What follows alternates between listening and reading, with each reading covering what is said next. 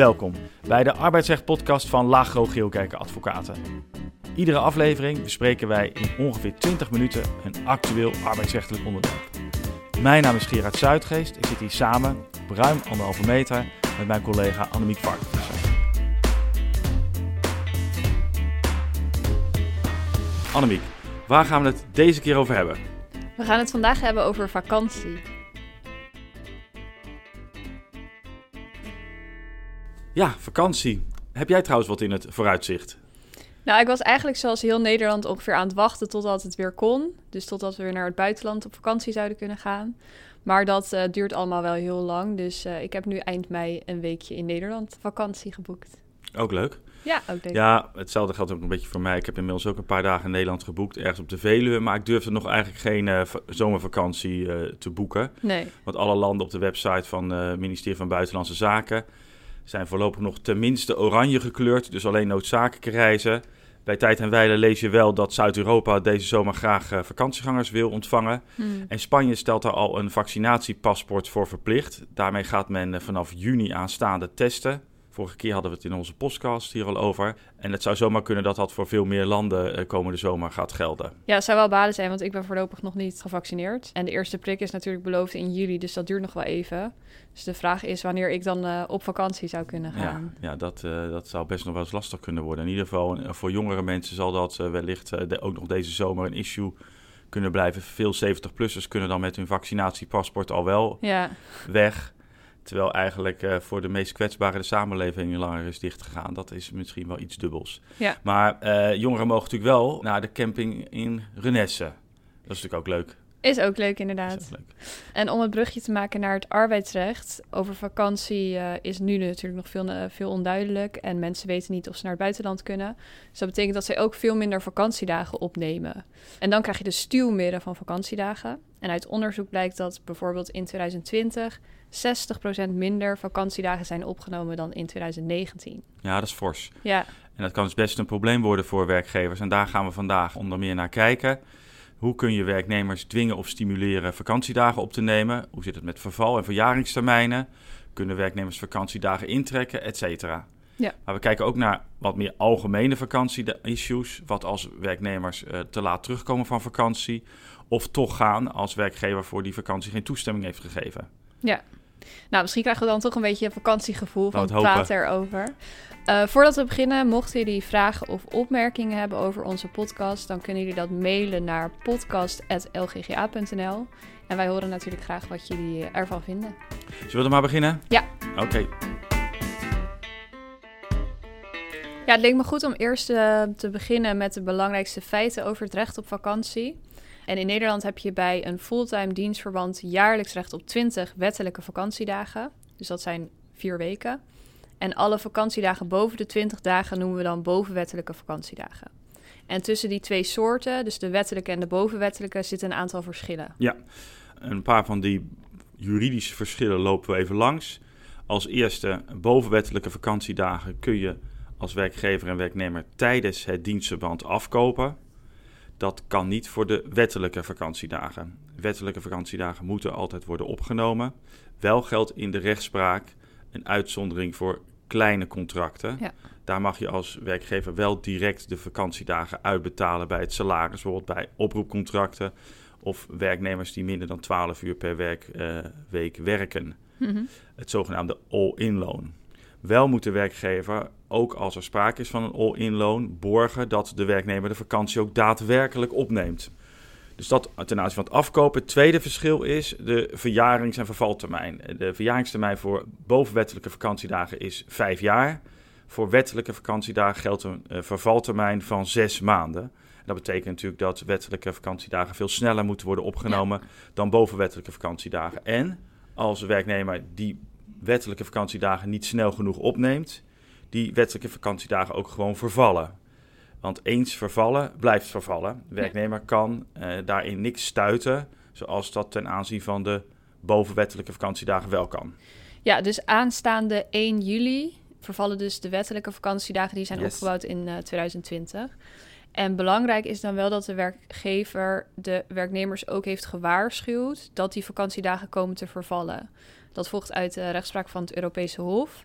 Want als de werkgever niet waarschuwt voor het vervallen van die vakantiedagen, dan komen ze ook niet te vervallen. Nee, en het is dus uh, waarschuwen is één. Uh, En de tweede voorwaarde is dat de werkgever de werknemer ook daadwerkelijk ruimte moet bieden ja. om die vakantiedagen op te nemen. Dus waarschuwen en ruimte bieden.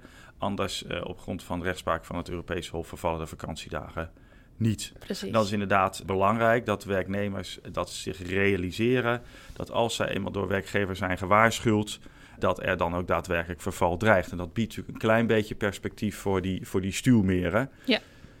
Wat er nog uh, een ander belangrijk verschil is, is dat ten aanzien van bovenwettelijke vakantiedagen de werkgever in de arbeidsovereenkomst mag vastleggen dat ziektedagen als vakantie gelden. Ja. Veel werkgevers weten dat niet, dat is ook best wel wat. Mm -hmm. uh, en het is ook wat anders dan de mogelijkheid om in de arbeidsovereenkomst twee wachtdagen bij ziekte overeen te komen. Die twee kunnen naast elkaar bestaan. Kan alleen maar als dat expliciet in de arbeidsovereenkomst is opgenomen. En dat geldt natuurlijk ook alleen maar voor zover de CAO, als die voor de sector geldt waarin de werkgever werkzaam is, als de CAO dergelijke afspraken tussen werkgever en werknemer toestaat. Maar dan kan je dus uh, met de arbeidsovereenkomst in de hand ook al iets aan het stuurmeer van vakantiedagen doen. Ja. Ja, dus dat levert misschien uh, iets lucht op, maar het zal niet uh, genoeg zijn om die stuurmeren helemaal te voorkomen. Zeker of niet op in coronatijd nu. Ja. Nee, dus daar gaan we in het uh, tweede blok naar kijken.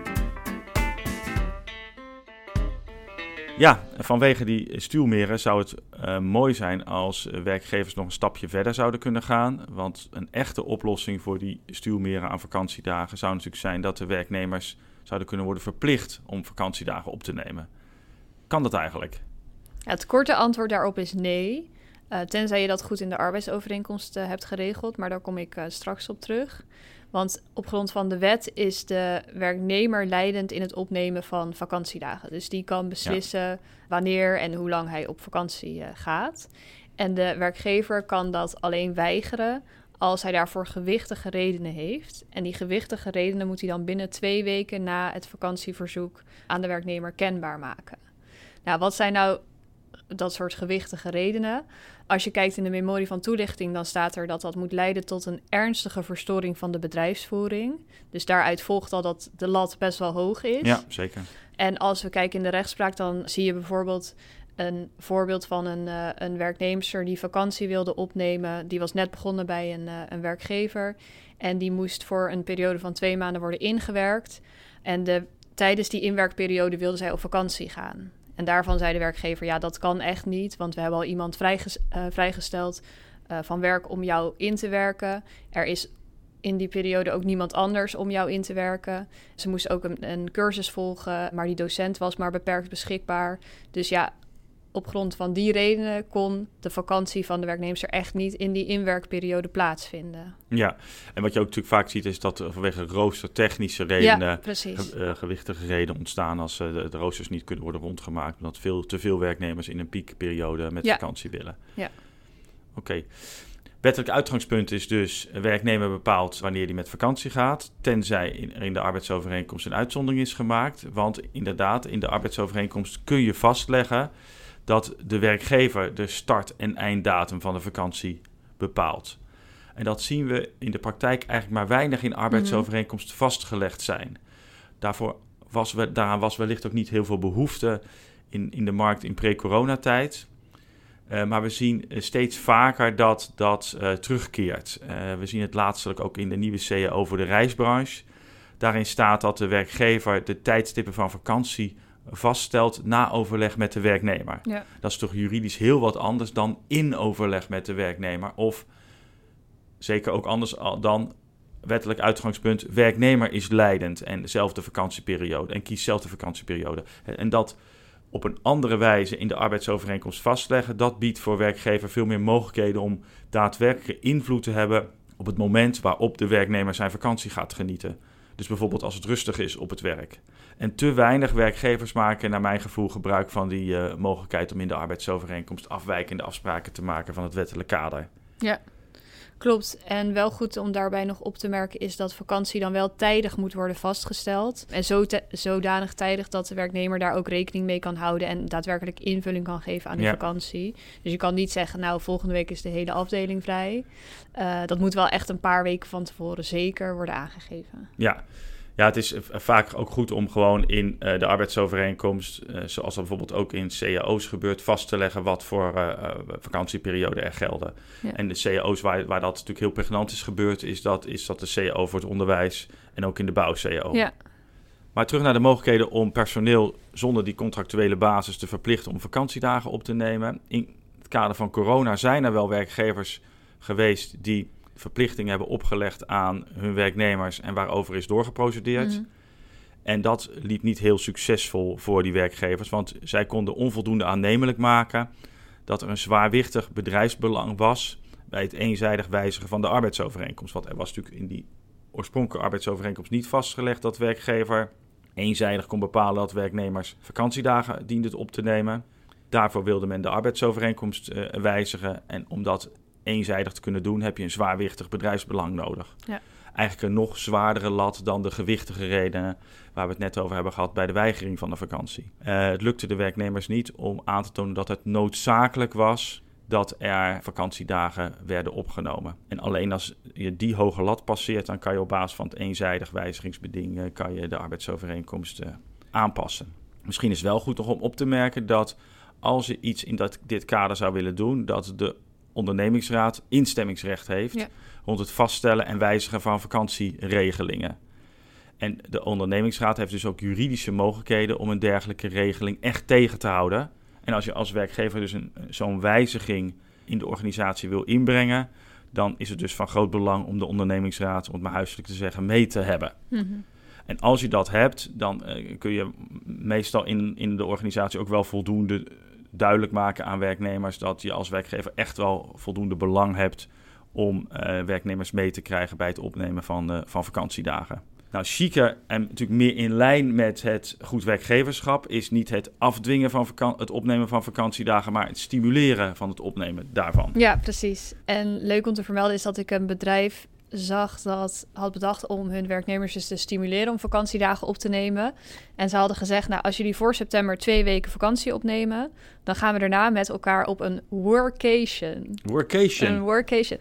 En dat houdt in dat, uh, ik wist niet wat dat was, maar het houdt in dat je dan met het hele kantoor of het hele bedrijf ga je dan um, naar een villa in een, uh, in een mooi warm land. En dan ga je halve dagen werken en de rest van de week ga je gewoon leuke dingen doen met dus elkaar. Dus als je dan twee weken niet hebt gewerkt omdat je op verzoek van de werkgever vakantie hebt opgenomen, ja. krijg je als beloning ook nog zo'n workation. Ja, nog een soort halve vakantie erbij. Ja, ik vond het leuk bedacht. Het kan zeker werken. Wat je natuurlijk ook ziet is dat werkgevers ehm, werknemers een premie bieden op het tussentijds afrekenen van vakantiedagen. En dat mag natuurlijk alleen maar dan de de bovenwettelijke vakantiedagen zijn, maar dat zie je ook nog wel eens. Hè? 105%, ja. 110% betalen. Of uh, situatie waarbij werkgever zegt, joh, als je een week vakantiedagen opneemt, krijg je nog een dagje extra van ons erbij. Ja. Allemaal manieren om ervoor te zorgen dat de vakantiedagen stuur meer wordt uh, beperkt. Ja. En als, zoals we net al hebben gezegd, als werknemers toch niet in beweging zijn te krijgen, ja, dan hebben we het zwaard van Damocles, de vervaltermijn ja. per 1 juli. 2021 vervallen de, boven de wettelijke vakantiedagen van het ja, jaar precies, ervoor. Precies. En hoe zit het met het intrekken van vakantiedagen? Ja, ik denk dat daarvoor vooral het adagium geldt. Hè. Als eenmaal gegeven, blijft gegeven. Dus als Ja. de vakantiedagen, het vakantiedagenverzoek van de werknemer door de werkgever is gehonoreerd. En werknemer komt erachter, vanwege corona kan ik toch niet naar mijn gedroomde vakantiebestemming. Dan kan de werknemer eh, niet zomaar het vakantieverzoek intrekken. Althans, de werkgever kan, eh, hoeft dat intrekkingsverzoek niet te honoreren. Eens gegeven, blijft gegeven. Ja. Alleen als het goed werkgeverschap voor de werkgever met zich meebrengt dat die het verzoek van de werknemer tot intrekking moet honoreren, kan dat anders liggen. En wanneer brengt het goed werkgeverschap dat dan bijvoorbeeld met zich mee? Als er geen rechtersrelevant belang is voor de werkgever om je tegen dat verzoek van de werknemer tot intrekking te verzetten. Bijvoorbeeld, werknemer kan gewoon zijn eigen werk doen en zou dat werk anders hebben gedaan als hij terug zou zijn gekomen van vakantie, maar kan dat in, gewoon op continu basis blijven doen. En er vindt verder geen enkele, uh, is verder geen enkel probleem binnen de organisatie, dan heeft de werkgever eigenlijk nauwelijks belang om dat intrekkingsverzoek uh, niet te honoreren. Maar als er al roosters zijn gemaakt of als er al voorzieningen zijn getroffen om de vakantie van de werknemer op te, nemen, op te vangen, ja, dan uh, denk ik dat de werkgever gewoon uh, dat intrekkingsverzoek naast zich neer kan leggen. Ja, eens. Uh, samenvattend, er zijn dus wel wat mogelijkheden op het gebied van vakantiedagen, maar dat is niet onbeperkt. En dat vergt ook wel wat aandacht van de werkgever. Maar de ervaring is ook wel dat je het van de rechter in dit soort zaken niet moet hebben. Dus niet erover procederen. Ja, dus juridisch ligt de lat hoog. Ja, precies. Maar met wat duw- en trekwerk met werknemers kom je er vaak wel uh, uit. Yes, nou dan gaan we naar het derde blok. Ja, dan nog een paar uh, kort wat corona-gerelateerde vakantievragen. Want wat als de werknemer uh, tegen het advies in uh, van de overheid toch afreist naar een oranje vakantieland? Kun je dat als werkgever verbieden of voorkomen? Ja, in principe kun je een werknemer niet verbieden om op vakantie te gaan en ook niet om naar een bepaald land op vakantie te gaan. Je zou wel kunnen zeggen dat vakantie in combinatie met een quarantaineplicht daarna kan leiden tot gewichtige redenen van een werk, voor een werkgever om de vakantie te weigeren. Ja, ja. Omdat bijvoorbeeld uh, nou, een uh, IC-verpleegkundige, daar is de werkdruk nu, nu, nu natuurlijk heel hoog. Als hij dan twee weken op vakantie gaat en daarna ook nog tien dagen in quarantaine zou moeten, dan zou je kunnen zeggen, ja, voor de werkgever. Levert die combinatie gewichtige reden op? Precies. Ja, ja. dat zou inderdaad. Dus het is misschien makkelijker voor de werkgever om als de vakantie gepaard gaat met een quarantaineplicht te zeggen, ja, daarom mag je niet. Ja. Uh, helder. Misschien is het ook goed om te vermelden dat als werknemers uh, vanwege corona uh, in quarantaine moeten, en ze afgereisd zijn naar een oranje land, dat dat voor rekening van de werknemer komt en de werkgever geen loondoorbetalingsverplichting heeft. Ja, klopt.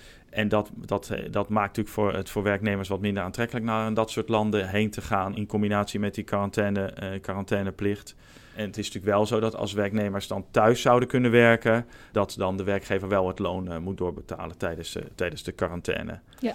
Als werknemers naar een geel vakantieland zijn afgereisd, er zijn nu geen gele landen, maar als ze naar een geel vakantieland hebben afgereisd en tijdens de vakantie wordt dat oranje en ze komen meteen terug en ze moeten toch in quarantaine, ja, dan lijkt de hoofdregel te zijn toch recht op loon tijdens die quarantaineperiode. Maar afreizen naar oranje hmm. is de re rekening uh, voor de werknemer. Ja. En dat geldt denk ik ook hè, uh, bij het te laat terugkomen van vakantie bij corona. Er ontstaan coronaproblemen in het land uh, waar je op vakantie bent. Je kunt daardoor niet op tijd terug naar uh, de werkgever. Ja, dan lijkt mij dat als je naar een oranje vakantieland bent afgereisd, dat dat voor de rekening van de werknemer komt. Ja. En als je naar een geel vakantieland bent afgereisd, dat dat eigenlijk voor rekening van de, van de werkgever uh, blijft.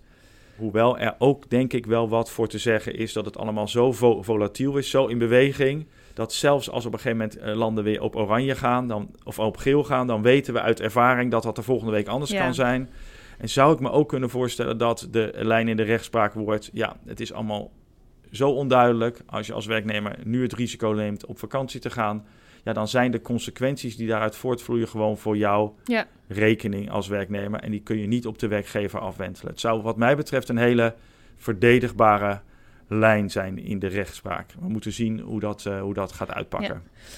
En je had, er zijn natuurlijk ook werknemers die, uh, die het best, best wel bond maken. Je had nog een uh, leuke uitspraak daarover. Ja, klopt. Dat ging over een beveiliger van een gevangenis. Die werkte daar al zo'n 30 jaar.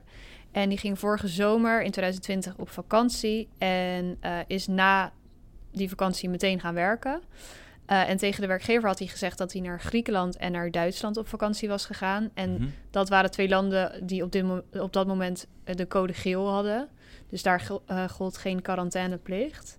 Maar de werkgever die vertrouwde dat niet helemaal. Dus die uh, heeft verschillende gesprekken met de werknemer gevoerd. De werkgever dacht namelijk dat de werknemer in Turkije was geweest. En dat was code oranje met ook een quarantaineplicht op dat moment. Mm -hmm. De werknemer die hield de hele tijd voor dat hij, uh, of vol dat hij toch in Griekenland en Duitsland was geweest. Heeft zelfs een retourticket laten zien om dat uh, te onderbouwen. Uh, uiteindelijk wordt er een intern onderzoek gestart en dan biecht de werknemer toch op dat hij in Turkije is geweest. Uh, en dat hij dus onterecht niet in quarantaine is gegaan na zijn vakantie. Ja, en daarover gejokt heeft ja. en nog een valse retourticket had overgelegd. Dat, ja. ja. dus uh, nou, de werkgever die besluit om dan een ontbindingsverzoek wegens ernstig verwijtbaar handelen in te dienen. En dat wordt toegewezen. En de transitievergoeding wordt afgewezen. Dus deze werknemer die uh, staat na een onberispelijk dienstverband van 30 jaar op straat uh, zonder transitievergoeding. Dus ik vond dat nogal wat. Ja, zeker. Maar ik denk in de omstandigheden zoals door jou geschetst wel volkomen terecht. Want het is natuurlijk niet alleen maar dat die werknemer tegen de instructie in na terugkomst de quarantaineplicht niet heeft vervuld. Maar ik denk vooral dat hij daarover herhaaldelijk tegenover zijn werkgever heeft gelogen. En ook zover bereid was te gaan dat hij, een, dat hij valse ja. geschriften pleegde door een, een vals retourticket te overleggen. Om zijn onjuiste claim kracht bij te zetten. En die combinatie, denk ik, uh, wordt de werknemer fataal. Als alleen maar de quarantaineplicht uh, niet in acht was genomen, dan denk ik dat de werknemer er nog mee had kunnen wegkomen. Ja. ik begreep dat hij ook nog bij het retour naar Nederland een, een, een coronatest had gedaan die negatief uitpakte. dus was uiteindelijk niet echt schade voor de werknemer geweest.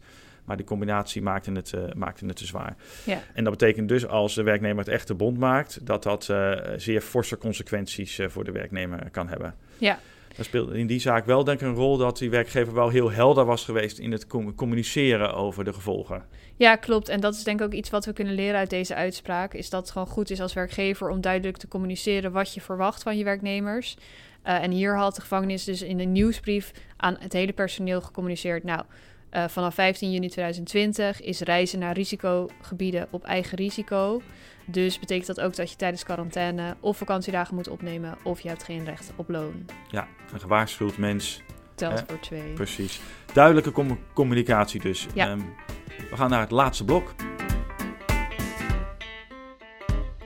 Dan in het laatste blokje kijken we naar twee uh, vragen. Wat als de werknemer op vakantie gaat in strijd met de instructies van de werkgever? En wat als de werknemer te laat terugkomt van vakantie uh, bij arbeidsongeschiktheid, iets wat nog wel eens vaak uh, voorkomt. Om met dat laatste te beginnen, ziek op vakantie. Ja, vaste rechtspraak is dat als de werknemer daadwerkelijk aannemelijk kan maken dat hij arbeidsongeschikt is en dat hij niet direct naar Nederland kon terugkeren, dat de werknemer daarmee wegkomt. Die rechtspraak hangt vaak samen met bewijsrechtelijke vragen. Wie moet mm. nou bewijzen of hij arbeidsongeschikt was, ja of nee? Maar als de werknemer aannemelijk kan maken, ik was arbeidsongeschikt, kon niet terugkeren, dan komt de werknemer daar meestal mee weg. Kan die werknemer dat niet uh, aannemelijk maken, ja, dan levert dat meestal ernstige arbeidsrechtelijke consequenties op voor de werknemer. Tot aan ontslag op staande voet, wat dan uh, bij de rechter houdt. Ja. Tweede vraag: de werknemer gaat toch, ondanks het feit dat de werknemer heeft geïnstrueerd dat niet te doen, ja, daarvan lijkt in de, in de lage rechtspraak de, de vaste consequentie te zijn beëindiging van de arbeidsovereenkomst. Uh, maar er is recente rechtspraak van de Hoge Raad, zeer recent zelfs, die dat een beetje lijkt te nuanceren. Ja, dat ging om een werknemer die vakantie had aangevraagd voor 3,5 week. Dat wordt geweigerd door de werkgever en die kent dan twee weken vakantie toe. De werknemer die gaat dan op vakantie en die komt na die twee weken niet terug op het werk.